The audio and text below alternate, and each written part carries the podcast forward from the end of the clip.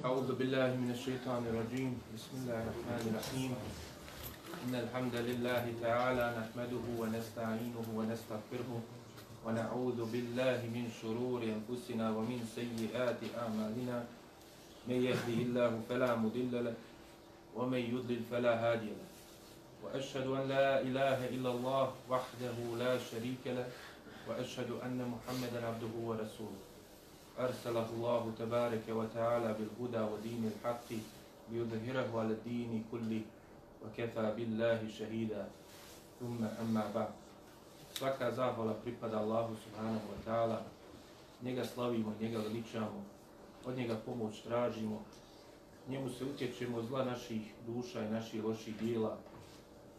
Neka je salavat i salam na njegovog posljednjeg poslanika, njegovog miljenika Muhameda sallallahu alihi wa sallam, njegovu častnu porodcu, sve njegove ashabe i one koji slijede njihov put do sudnjega dana. Vidjeli smo kako je Allah subhanahu wa ta'ala pripremao svoga poslanika Muhameda sallallahu alihi wa sallam za poslanstvo i za misiju koja je pred njim, za objavu koja će da mu donese Džibril alihi sallam vidjeli smo kako su događaji ukazivali i promjene i društvene i promjene u kosmosu i ono što se dešavalo i džinima čak i ono što se dešavalo Allahovom poslaniku sallallahu alaihi ve sellem a i činjenica da je Allahov poslanik sallallahu alaihi ve sellem postao osoba koja je cijenjena i poštovana u mekanskom društvu postao čovjek na kojih se ugledalo, ali koji je također i vidio svo zlo koje je bilo među ljudima, te tmine zabluda i širka koji su vladale i koje su u sve te tračke dobra koji su bili prisutni ipak preovladavalo. Pa je Allahu poslanik sallallahu alaihi wa sallam kao što smo spomenuli otišao i odvajao se u pećini hira, razmišljajući o svim tim stvarima koji ga okružuju, razmišljajući o Allahu subhanahu wa ta'ala stvaranju, pitajući se kako će završiti njegov narod sa tim svim zlima koji su bila zastupljena među njima. Kako će Allah uzvišeni, kojeg je on priznavao sa, kao svoga gospodara, nije mu širk činio, ali nije znao kako da ga obožava. Što ukazuje jel, da Allahu poslanik sallallahu alaihi ve sellem nije znao da će biti poslanik. Nije on se pripremao za to, nego je Allah uzvišen i dao da sve ono što ga okružuje da bude priprema njega za poslanstvo. I da nakon ti najvećih tmina zasija svjetlo istine i upute. Allahovom poslaniku sallallahu alaihi ve sellem kao što smo spominjali počelo je u zadnjim tim mjesecima prije nego što će u stvarno se spustiti objava preko Džibrila alihi salam, počeo da mu se javljaju istiniti snovi koji su bili, kaže, poput, jasni poput zore. Pa je, dakle, to bio jedan od priprema duhovnih za Allahov poslanika, sallallahu alihi wasallam, uvoda ono što ga čeka. Tako da je kao što kaže Allahov poslanik sallallahu alihi ve sellem u hadisu kod imama Muslima u njegovom sahihu kaže rođen sam u danu ponedeljka a i u tom danu ponedeljka mi je počela da silazi objava. Pa u tom periodu kada je bio u osami kada se je odvajao u pećini kao što smo govorili tako što je Allaha uzvišenog veličao na način kako je znao od onoga što je ostalo od Ibrahimove vjere a također i sa razmišljanjem o Allahovom stvaranju, sa razmišljanjem o svome stanju i stanju svoga naroda, kako da popravi to stanje, šta da se može uraditi da dođe do boljeg ishoda od onoga koji se očekivao za onoga i one koji su bili u tome, u čemu je bio narod u Mekiji i općenito čovječanstvo u čemu se nalazilo u tom vremenu. Pa je Allahu poslanik sallallahu alaihi ve sellem čak jel znao čita mjesec Ramazan provoditi nekoliko godina kaže se da je bilo to tri zadnje godine svoga života prije poslanstva, provodio bi u toj osami i razmišljao u pećini Hira. Zadnji put kada je prije poslanstva otišao u pećinu, kao što bilježi imam Buharija u svome sahihu od Ajše radijallahu anha, koja nam prenosi kazivanje početka objave, ima Buharija jedan od prvih hadisa koji je naveo treći hadis po redu u njegovu sahihu, je upravo hadis o početku objave, u kojem se opisuje to događaj i kazivanje kako je Allahovom poslaniku Muhammedu sallallahu alaihi wa sallam počela silosti objave.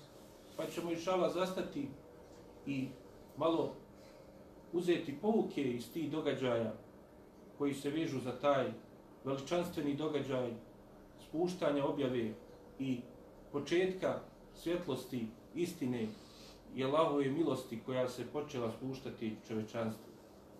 Kaže se na početku tog hadisa da je Allahovom poslaniku sallallahu alejhi ve sellem prvi znaci i prvi oblik objave koji mu je dolazio bio taj istiniti san. Drugim predajima se spominje dakle, da je to bilo ti zadnjih šest mjeseci prije nego što će doći istinska objava preko Džibrila ali i salam. I kao što je poznato da je istiniti san jedan od dijelova poslanstva i vjerovjesništva. Pa je to bila priprema za ono što će se desiti i veličanstvenost i težine događaja koja će se desiti Allahom poslaniku sallallahu alaihi ve sellem kada mu dođe Džibril alaihi sallam sa objavom. Allahu poslanik sallallahu alaihi ve sellem dalje se kaže posanjivao se u pećini Hira, išao i tamo provodio vrijeme u ibadetu, onako kao što smo jel, spomenuli, što je znao od Ibrahimove vjere i također kroz razmišljanje o Allahovom stvaranju, o Allahovim ajetima koji nas sve okružuje od njegovih stvorenja. Također uzimao je za sebe obskrbu za to vrijeme. Odlazio bi, kaže, kada bi mu to ponestalo kući kod Hatidže radijallahu anha, ponovo bi uzeo obskrbu i ponovo bi odlazio u pećinu.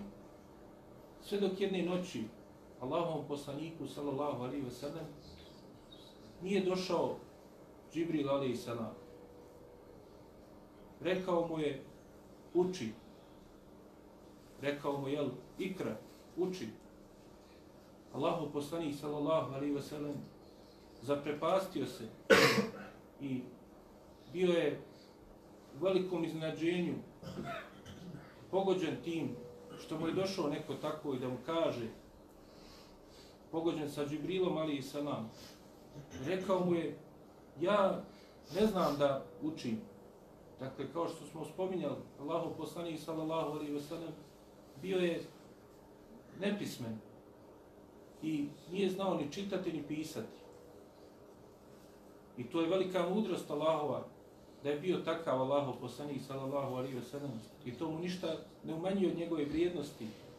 Kao što smo vidjeli, on je bio ugledan, poštovan, ali čitav općenito arapski narod nije poznat bio po tome što su bili pismeni i što su bili narod koji čita i piše, ali su imali veliku mudrost, posjedovali su i znanje, i inteligenciju i tako dalje imali su mudre glave, kao što ćemo vidjeti i prve ashave, kako su to bili odlikovani, odlikovane ličnosti među stanovnicima Mekke. Pa kaže se dalje, dakle, Allahu poslanik sallallahu alaihi wasallam i rekao, ja ne znam čitati. I dakle, u tome je također i mudrost, zato što nisu onda mogli reći stanovnici Mekke, ani oni koji će poslije doći da je Allahu poslanik sallallahu alaihi ve sellem tu objavu, to što je će mu dolaziti kao objava od Kur'ana, da je to on prepisao od nekoga, uzo iz nekih knjiga ili tome slično. I vidjet ćemo, jeli, da Kurešije, mušici, nisu optuživali Allahov poslanika, sallallahu alaihi ve sellem, na takav način. Zato što su znali da je to nemoguće. Iako su znali i ostale optužbe koje su iznosili na njegov račun da su netačne, ali znali su da ta optužba neće proći kod ljudi, za razliku od tih drugih koji su koristili. Pa se dalje kaže, da je Allahov poslanik sallallahu alaihi wa sallam rekao, ja ne znam čitati, pa ga je, kaže, ufatio Džibril alaihi salam, žestoko ga protresao, privukao sebi i kaže, dotle da je Allahov poslanika sallallahu alaihi wa sallam ufatila mučnina od toga, pa ga je, kaže, onda odalio sebe i rekao ponovo uči. Opet je Allahu poslanik sallallahu alejhi ve sellem rekao ja ne znam da učim. Pa mu je i treći put to uradio. Pa je Allahu poslanik sallallahu alejhi ve sellem ponovo osjetio veliku mučninu.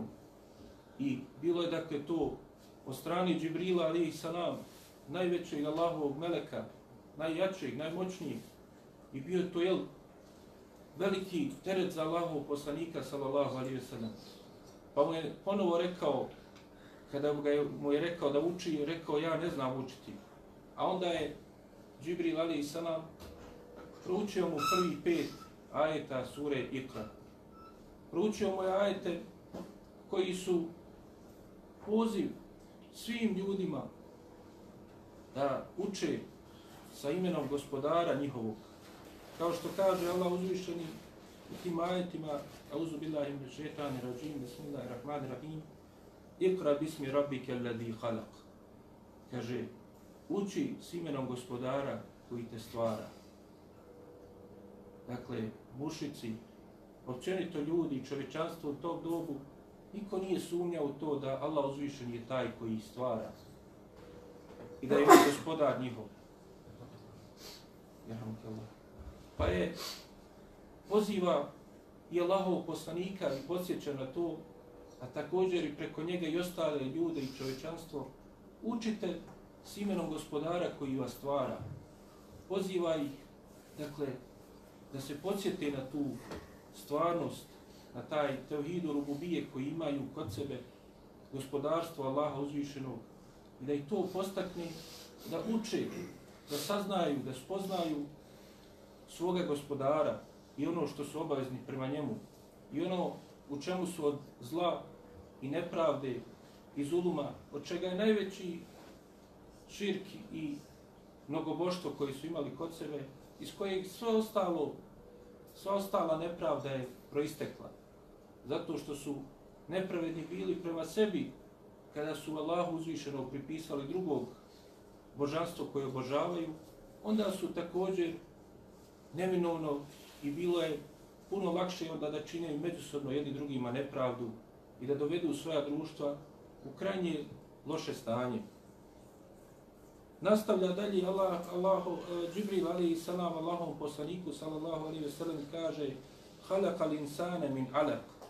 Kaže mu i posjeća ga i dakle što je jel, jedna od čudnovatosti Kur'ana u tom vremenu bez ove tehnologije, napretka, kaže mu da uči ime gospodara koji stvara, koji stvara čovjeka iz zakvačka.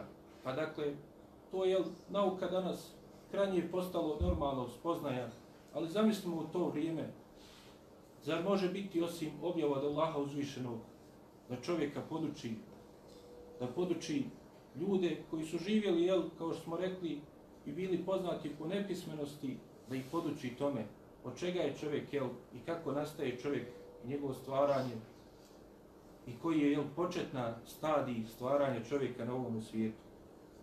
Kaže, ikra wa rabu kel ekrem. Uči, kaže, a plemenit je tvoj gospodar. Sve što se ljudi nudi ljudima, sve što Allah uzvišeni će objaviti Allahom poslaniku, sallallahu alaihi ve sellem, to je velika, velika blagodat ljudima i veliko dobro za njih u propisima koji će im doći, u istinama koje će se objaviti, u pojašnjenju zavluda koje su pojašnjene. Sve je to veliko dobro za ljude i zbog toga je uči, a tvoj gospodar, gospodar je plemen. On velike, velika dobra vam daje. Kaže, Alladhi allama bil qalam, kaže, onaj koji podučaje peru. Pa dakle, Allah uzvišen je taj koji je čovjeka od prvog Adema podučio ga mnogim stvarima.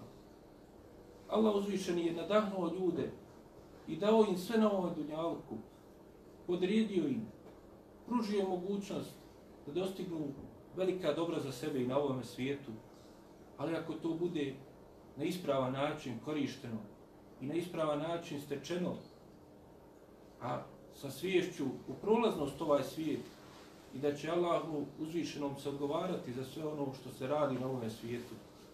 Pa dakle, čovjek koji je ostavljena mogućnost da postupa, kako će uzeti i kako da radi s ovim svijetom, ali će za to morati odgovarati. Pa dakle, kao što vidimo, velika zla koja ljudi učine, na kraju štete prije svega sami sebi, oni koji to zlo čine. Onda štete i svojim društvima. Ali to je sve, jel, Allahova mudrost, da se pokaže ko će kako postupati. I onaj ko ima znanje, da se ne uzovali zbog tog znanja, da ne bude od onih koji će drugima ni podaštavati ih i umanjivati njihovu vrijednost zato što on ima nešto od ovoga prolaznog svijeta, nego da to ispravno shvati i razumi, jer je Allah uzvišeni taj koji ga je sve u tome nadahnuo, podučio, koji mu je sve to stvorio i omogućio i stavio na upotrebu. A kaže dalje zato Allah uzvišeni Alleme linsane manem janem. Kaže, podučava čovjeka onome što ne zna. Pa dakle, kao što je Allah poslanik sallallahu alaihi ve sellem kroz ove ajete, podučava ga Džibril onome što ne zna. Nije znao koji je rješenje izlaz iz tih tmina zabluda u kojima se nalazili. Nudi mu i pokazuje mu se put i preko njega i svim ostalima. Put istine, put dobra. A to je dakle put ka Allahu uzvišenom, ka njegovom vječnom dženetu. A sve ostalo su jel putevi koji vode ljude u propasti na ovome i na onome svijetu. Nakon toga Allahu poslanik sallallahu alaihi wa se trepao. zaprepastio se od toga što mu se desilo. Požurio je kući svojoj plemenitoj supruzi Hatidži radijallahu anha, toj plemenitoj, najbolje ženi za najboljeg čovjeka. Jer ono kako će ona postupit pokazuje kakva je to bila osoba i kakav je to bio primjer vjernice na koji se treba ugledati. A također i kako treba da se postupa u takvim situacijama. Pa kaže Allahu poslanik sallallahu alejhi ve sellem se zaprepastio. Pogodila ga je to. Pa kada je se vratio kući, uletio i rekao, pokrijte me, pokrijte. Da se smiri te situacije. Nisu ga odmah pitali šta mu se desilo, nego su ga pustili da se smiri. Kao što kažu učenjaci, to je jel, metoda kako treba postupati kada čovjeka zadesi neki strašan događaj. Da ga prvo se smiri, pa onda pričati sa njim. Kao što i kažu učenjaci, iz ovoga što je Allah poslanik sallallahu alaihi ve sellem postupio, A to je dakle da je nakon toga rekao šta mu se desilo i rekao da se pobojio za svoj život. Kažu da čovjek ne treba da čuva u sebi te strašne neke misli koje ga možda pogodi ili neke teške događaje u njegovom životu, nego da osobama koje su povjerljive i pouzdane, treba da se jel, s njima savjetuje, popriča, iznese te svoje brige, Jer to ako kaže čuva se u sebi, onda povećava se i postaje opasno za njegovo psihičko zdravlje. Pa dakle, Allahu poslanik sallallahu alejhi ve sellem je rekao da se poboji za svoj život. Što još ukazuje da Allahu poslanik sallallahu alejhi ve sellem nije uošte ni pomišljao da će on biti Allahu poslanik. Da on uopšte nije imao svijest o tome. Da je to doista bila Allahova blagodat prema njemu i da nemaju utemeljenja sumnje koje iznose orientalisti i oni koji se povode za njima neprijatelji Islama, da je Allahov poslanik Muhammed sallallahu alaihi ve sellem bio ti osoba i ličnosti koji su željele slavu, željeli vodstvo ili imali namjeru da budu predvodnici, pa su jel, pripremali se, kao što kažu, zato se osamnjivao da bi se pripremio za tu svoju misiju. Ne, nego ova reakcija Allahov poslanika, sallallahu alaihi ve sellem, govori da je on bio šokiran i da se pobojio čak i za svoj život zbog toga što ga je zadesilo. Kao što kažu učenjaci, jel, i to govori da je Allah uzvišeni mogao dati da odma Allahu poslanik Muhammed sallallahu alejhi ve sellem ima svijest da je to Džibril alejhi salam, da je on poslan od Allaha, da je to da će on biti Allahu poslanik, ali nije, nego je Allahu poslanik je bio u totalnom jel, nepoznavanju šta se to desilo, zaprepastilo ga je. Kao i što je počeo da u, njega, u njemu se rađa jel, osjećaj da je to nešto strašno, teško, velika misija koja se nalazi pred njim. Pa je zbog toga također se istakao i svijest Hatidže radijallahu anhu i da je ona bila doista najbolja osoba za najboljeg čovjeka i da čovjek jel, treba voditi računa kao što smo rekli, jel, treba da se savjetuje, ali da vodi računa da to budu povjerljive osobe, da je zabranjeno da to radi sa osobama koji su nepouzdane i dakle da iz toga vidimo da treba da bira ko će mu biti supruga i supruge, jel, i sestre da biraju ko, ko će im biti suprug. Zbog toga da bude to onaj koji je najbolji po vjeri, najbolji i najpouzdaniji, koji će sutra biti oslonac jednom drugom. Kao što je bila Hatidža radijallahu anha. I zbog toga su njene riječi, zlatne riječi koje je uputila Allahom poslaniku sallallahu alaihi wasallam. Jer je rekla, tako mi Allaha, Allah te neće poniziti i osramotiti. Hatidža radijallahu anha smiruje Allahov poslanika sallallahu alaihi wasallam. Uvijek treba jel, čovjeka koji zadesi neka teška stvar, treba mu dati riječi utjehe i treba ga postaći da ima pozitivno mišljenje, pozitivno razmišljanje o Allahu subhanahu wa ta'ala, lijepo mišljenje, a posebno Allahu poslanih sallallahu alaihi ve sellem, kao što kaže Hatidža radijallahu anha dalje, doista si ti čovjek koji održava rodbinske veze, koji kaže pomažeš onima koji su slabi, koji udjeduješ siromasima, koji su gostoljubiv prema svojim gostima koji pomažeš istinu u svakoj prilici. Dakle, zar može biti bolja ličnost od takve koja je odlikuje se sa ovakvim osobinama? Samo jedna još ličnost poslije bit će rečeno slično ovako kada bude u jednoj teškoj situaciji kao što ćemo vidjeti inšala, a to je bio Ebu Bekr radijallahu anhu. Pa dakle, vidimo jel te najbolje osobine koje može čovjek imati. Kako je Allahu poslanik sallallahu alaihi wa sallam, kao što smo spominjali, odlikovao se najboljim osobinama još i prije nego što je postao vjerovjesnik i poslanik. I prije nego što mu je došla objava, bio je najbolja ličnost, jedinstvena ličnost u istoriji čovečanstva, da i prije i poslije veliki događaja i veliki stvari kojima se odlikovao i čime je postao poznat i prepoznatljiv u istoriji čovečanstva, samo je Allahu poslanik sallallahu alaihi ve sellem čitav njegov život od njegovog rođenja do smrti se odlikuje samo dobri. I dakle, i kako je ljudi koji se odlikuju sa tim dobrim osobinama, ne može ih zadesiti osim dobro, koji se odlikuju ovakvim pozitivnim osobinama, kao što su ovdje spomenute, Allah uzvišeni će ih pomoći i dati im izlaz i neće im ništa loše se desiti. Ako budu radili dobro, to će im se dobro i vratiti. Kao što je i također vidimo i to pomaganje Allahov poslanika sallallahu alejhi ve sellem i siromasima i slabima i pomaganje istine i općenito. To je ono što treba uvijek imati na umu i posebno jel, muslimani međusobno da imaju to na umu. Jer zna, trebamo znati, kao što je došlo u sahihu kod mama muslima, kaže, Allah je u pomoći svome robu dok je on u pomoći svome bratu. Pa dakle, Allah uzvišeni će pomoći onih koji pomažu druge. I o, ako želimo jel, da nađemo načine kako da se izvučemo iz nedača, to je recept koji nam nudi Allahov poslanik, sallallahu alaihi wa sallam. Pa kaže se dalje da je onda se jel malo smirio Allahov poslanik sallallahu alejhi ve sellem. Kada je čuo te riječi utjehe i optimizma i lijepog mišljenja, posjećanja i posti, posticanja na lijepo mišljenje Allahu uzvišenom od Hatidže radi Allah anha. I ne samo to da je uradila, nego je ona rekla mu da treba i otići kod njegov, njenog Amidžića, koji je bio čovjek koji je bio tih, jel, koji su bili na tevhidu i prije nego što je Allahu poslanik sallallahu alaihi ve sellem počeo mu silasti objava.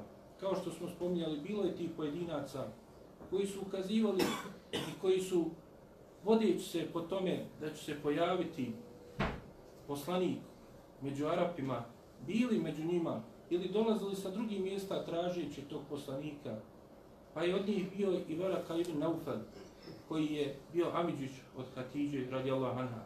I ona je predložila da odi da pričaju s njim, da vidi šta će on reći na to što se desilo.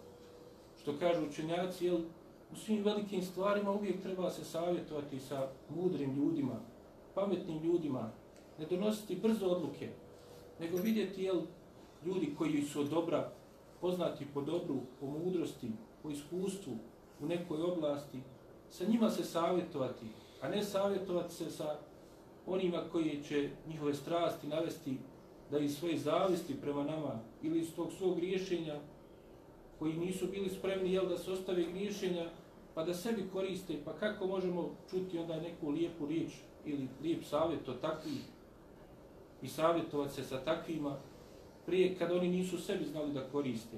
Pa dakle, taj Veraka ibn Aufel bio je najbolji savjetnik koji je mogao imati Allahu poslanik sallallahu alaihi ve sellem u tom momentu.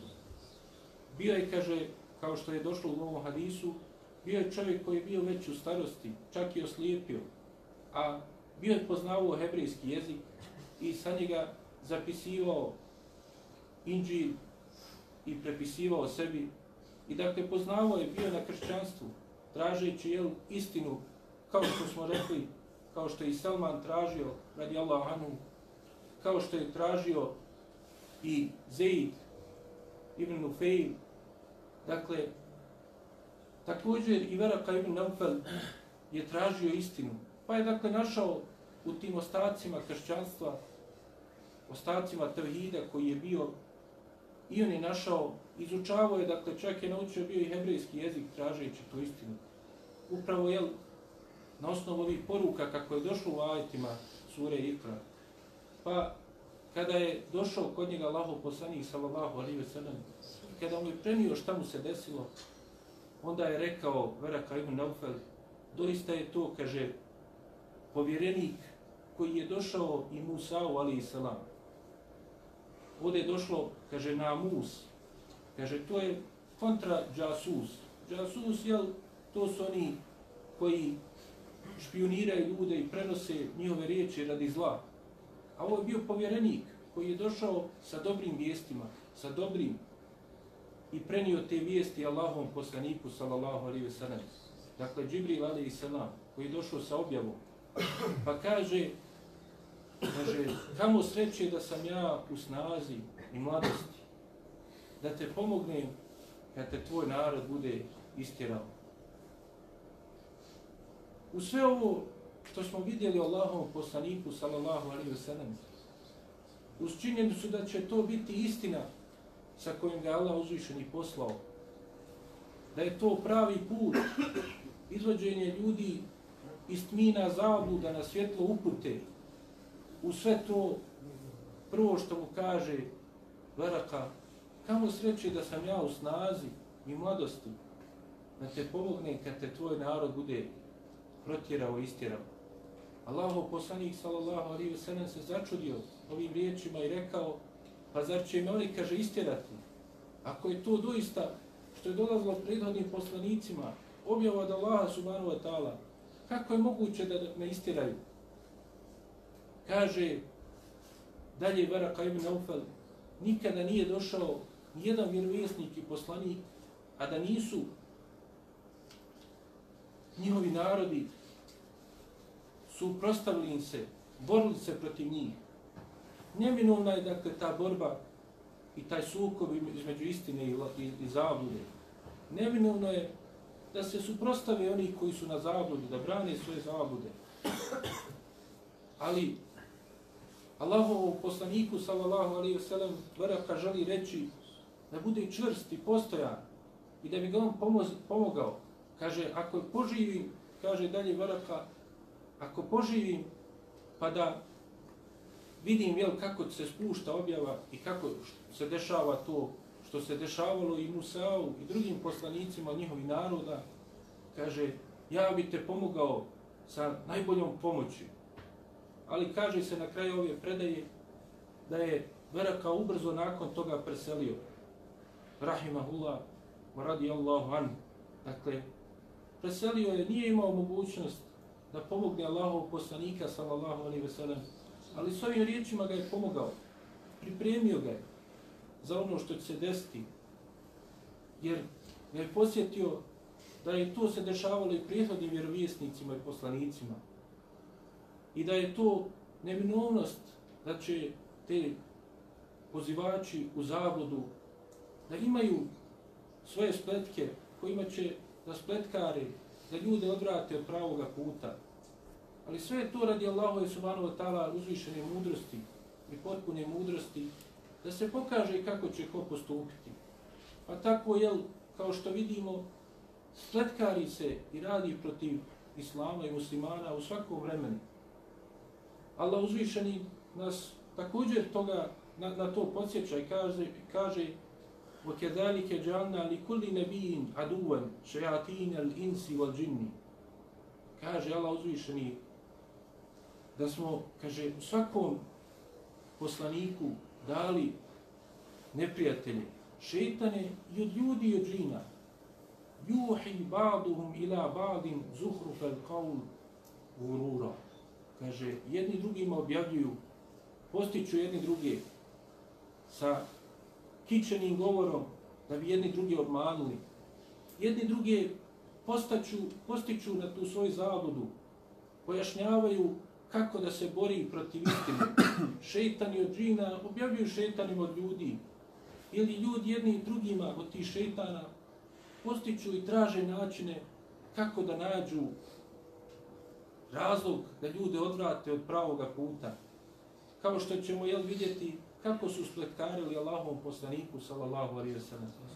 Kako su njemu pokušavali da napravi razne spletke i prvim muslimanima, ashabima, Ali čime je Allahov poslanik sallallahu alejhi ve sellem to na to odgovorio? Odgovorio je sa mudrošću, sa saburom, sa strpljivošću, sa ispravnim i postojanim pozivanjem u Allahu subhanahu wa ta'ala vjeru. Nije dao da ga promijeni, niti ga je to postaklo da bude ikome nepravedan, nego je bio najponizniji. S ovim je počeo njegov put, a kada je vratio se istim ovim koji će ga protjerati iz njegovog grada, koji će ga, nakon što su ga najviše cijenili i poštovali, na najgori način željeti da čak i ubiju i otjeraju, vratit će im se, ali ne sa time da će se oholiti iznad njih, nego ponizan će se vratiti, znajući da je to blagodata do Laha uzvišenog, što je on na pravom putu, a želijeći njima to isto dobro, pa će, kaže, spustiti svoju glavu kada bude išao na svojoj jahalici, a ulazi u Meku nakon oslobođenja, dotle da mu je njegova brada dodirivala zemlju. Dakle, toliko će se ponizan biti i neće jel, osjećati nijedan gram, nijedan moment potrebi da se on sada njima tu svijeti i oholi, zato što je on milo svjetovima i zato što je ova vjera došla da ljude pozove u dobro, da im dostavi se to dobro. Iako će jel, oni to da odbijaju, iako će da spletkari, da će šeitani od džina i ljudi jedni druge ohrabrivati, posticati da ne prihvate taj put. Ali Allahov poslanik sallallahu alaihi wasallam, nam je utrao put kako da postupamo.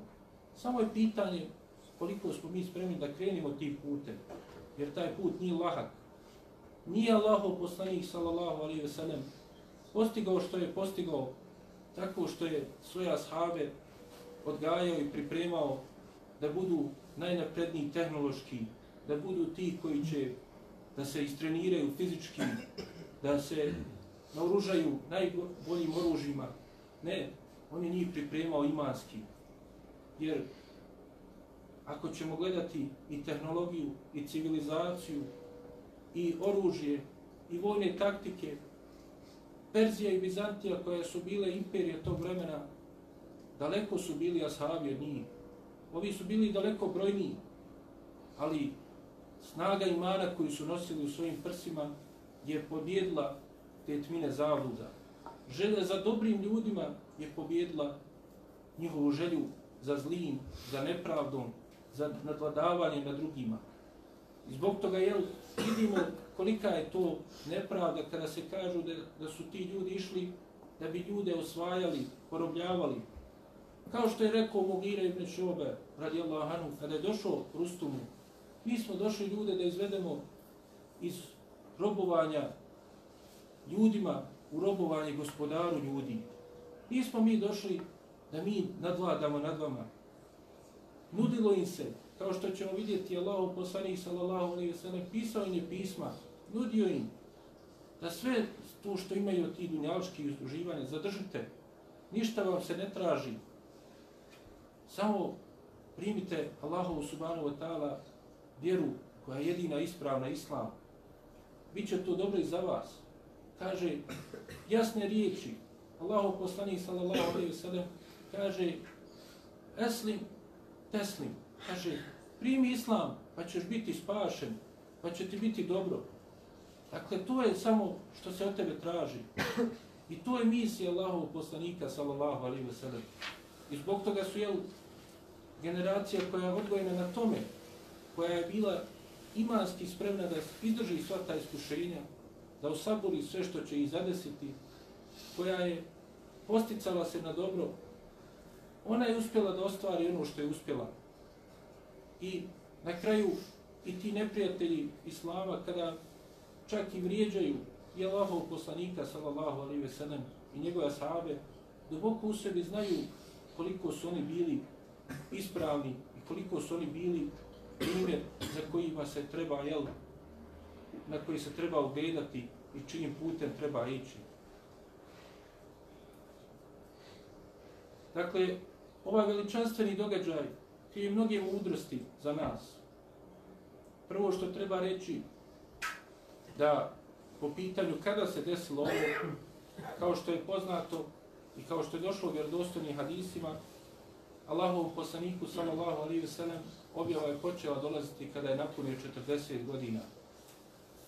Dakle, to je kao što kaže imam nebevi većina učenjaka i odabrala, smatra ispravnom i to ukazuju hadisi, poput hadisa koji se prenosi od Ibn Abasa, da je Allahov poslanik sallallahu alaihi ve sellem će provesti, da će mu objava doći sa 40 godina, provešće 13 godina u, Me u Mekki, pa će ga onda protjerati, morati učiniti hijđru, i onda će provesti 10 godina u Medini i preseliti sa 63 godine života. Kada je bila prva objava, dakle, učenjaci imaju više mišljenja kada je prvi put objava došla Allahom poslaniku, sallallahu alaihi wa sallam. Kaže se da je to bilo u mjesecu Rabiul Awal, kao što spominje Ibn Kajim. Drugi učenjaci kažu da je to bilo u mjesecu Ramazanu. I spoj između tih mišljenja, kao što spominju učenjaci, jeste da je dakle, ti snovi, a to je dakle prvi oblik vjerovjesništva koji je počeo dolaziti Allahom poslaniku, sallallahu alaihi ve sellem, bio u Rabiul Awal, osmi ili deveti dan, kao što spominju neki od njih. A dakle, da je u Ramazanu došao Džibril alaihi salam sa objavom Allahom poslaniku sallallahu alaihi ve sallam. Što se tiče koji je to dan konkretno bio, e, također jel, učenjaci spominju više mišljenja, pa kažu jedni da je to bilo 27. noći Ramazana, neki spominju da je to bilo 17. noći Ramazana, a treći kažu da je to bilo 21. noći Ramazana.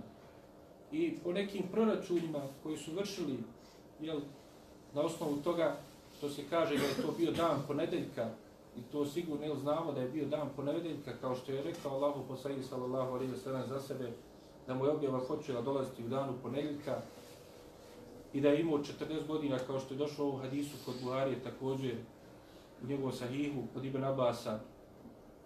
Dakle, kažu da je jedini dani koji su mogli biti i koji bi se uklapali u to jeste 21. prvi dan i prva noć e, mjeseca Ramazana. i da je to najpreće mišljenje. Što bi odgovaralo e, po mjesecu jel, i godini po Isalu, ali i Salam, da je se to desilo 10. augusta 610. godine po ređenju Isa ali i Salam. Također, jel, ono što potvrđuje ovo mišljenje jeste što je došlo jel, da je u mjesecu Ramazanu spušten Kur'an. Kao što je poznato, jel, šehru Ramadana ledi unzile fihil Kur'an. Dakle, to je mjesec u kojem je Allah uzvišen ispustio Kur'an. I da je, kao što je spominje, jel, da ga je spustio u noći kadra. Pa dakle, ovo i pojačava jel, mišljenje onih učenjaka koji kažu da je noć kadra nije sigurno i uvijek 27. noć, nego da se ona u neparnim noćima premješta iz godine u godinu u zadnjoj trećini Ramazana, dakle 21. 23. 25. 27. Dakle, da se u tim noćima premješta pa, u ovoj jel, godini da je bio to 21. noć. Dakle, tada je Allahov poslaniku sallallahu alejhi ve sellem počela silaziti objava. I dakle prvi pet ajeta sure Ikra su bili prvi ajeti koji su objavljeni Allahom poslaniku sallallahu alejhi ve sellem. Tek poslije pošto se prekila objava umeđu vremenu vidjet ćemo jel, da su neke druge sure objavljene Allahom poslaniku sallallahu alejhi ve sellem, a da je onda nakon toga objavljen ostatak ajeta i sure Ikra. Kažu učenjaci i mudrosti Također, zašto su ovo prvi ajeti? Zato što jel, pozivaju nas na učenje, na spoznaju Allaha subhanahu wa ta'ala, poznavanje njegove vjere, da nas to znanje dovede da Allaha uzvišeno obožavamo na ispravan način. I također, jel vidimo da je to, kakva je vezane su između toga, što se jel, u ovoj suri kaže u prvom ajetu da učimo sa imenom gospodara naše, dakle i općenito Kur'an učimo. A također jel, i namaz počinje sa učenjem, sa kirajetom nešto iz, iz Kur'ana. A i ova sura, a i namaz završavaju se sa seždom. Dakle, to je znanje koje se zapečatilo u ovoj suri i čitava sura se završava s time što se od suneta jel, i potvrđeni sunet je da se učini sežda Allahu subhanahu wa ta'ala nakon proučene ove sure. Kao što je i namaz završavamo sa seždom i, uč, i, i činjenjem seždi. Također, jel, iz ovoga vidimo da je to znanje sa kojim je došao Allahu, Allahu poslanih sallallahu alaihi ve sellem, najvažnije znanje i da sva ostala znanja se vraćaju na ovo znanje. Jer to je znanje o Allahu subhanahu wa ta'ala, o razumijevanju zbog čega smo stvoreni, zašto postojimo, zašto je sve ovo što nam je Allah uzvišeni kao što smo vidjeli u dijelić onoga što je spomenuo u ovim ajetima, zašto je nam je Allah uzvišeni to sve omogućio i dao. Radi naše koristi, da to sve bude, jel, da koristimo i služi na novome svijetu, da bi ostvarili naš osnovni primarni cilj. Dakle, kao što čovjek, jel, kada ide u školu, nije mu to sav život. Nije pojenta tog znanja i tog vremena koji će provesti tu samo po sebi nego ono ima jedan viši cilj, da može funkcionisati, korisno mu biti u njegovom životu, u njegovom društvu, da koristi društvu i sebi.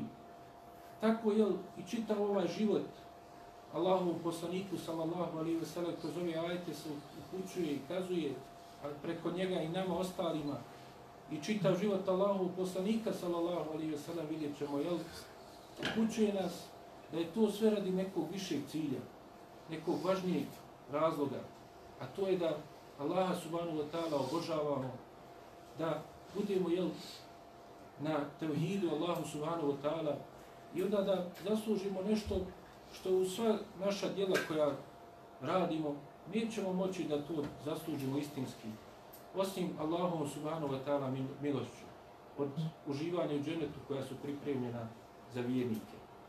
Dakle, ovi ovaj događaj veličanstveni, u njemu su velike poruke i velika počast za muslimane i nešto što ukazuje i upućuje nas da budemo ponosni što smo vjernici, postojani na putu istine, u sva iskušenja koja će nas eventualno zadesiti, Allahom poslaniku, sallallahu alaihi wa sallam, vidimo, Allah ga uzvišen jel, i iz toga što ga je na ovakav način došao Džibril i dakle i na ovakav način u tu prvu objavu prenio tako što ga je bio mu teško to i fizički i bio veliki za njega teškoća i fizička i psihička pa da vidi jel, težinu tog puta koji se nalazi pred njim i, i onoga što je rekao Varaka ibn Naufel da će ga istirati zbog toga što poziva istinu sve su to poruke da je dakle put težak ali završetak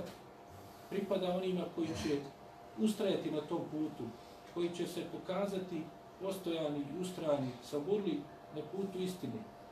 Sve što i onda zadesi na tom putu, kao što je i ashabe koji su bili sa Allahom i poslanikom, sallallahu alaihi wa sallam, vidjeli ćemo, inšala, i svi znamo, jel, na kraju, na mnogi od njih će biti mučeni, čak neki ubijeni u Mekki, neki preseliti i u Medini, neki će biti iskušani za života Allahov poslanika, sallallahu alaihi sallam, neki od njih nakon njegovog života, ali su svo vrijeme ostali čvrsti i postojani, saburni i u službi Allahove subhanahu wa ta'ala vjere.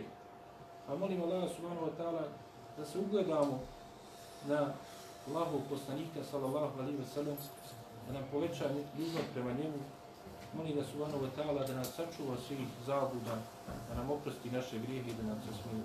Amin. Subhanahu wa ta'ala.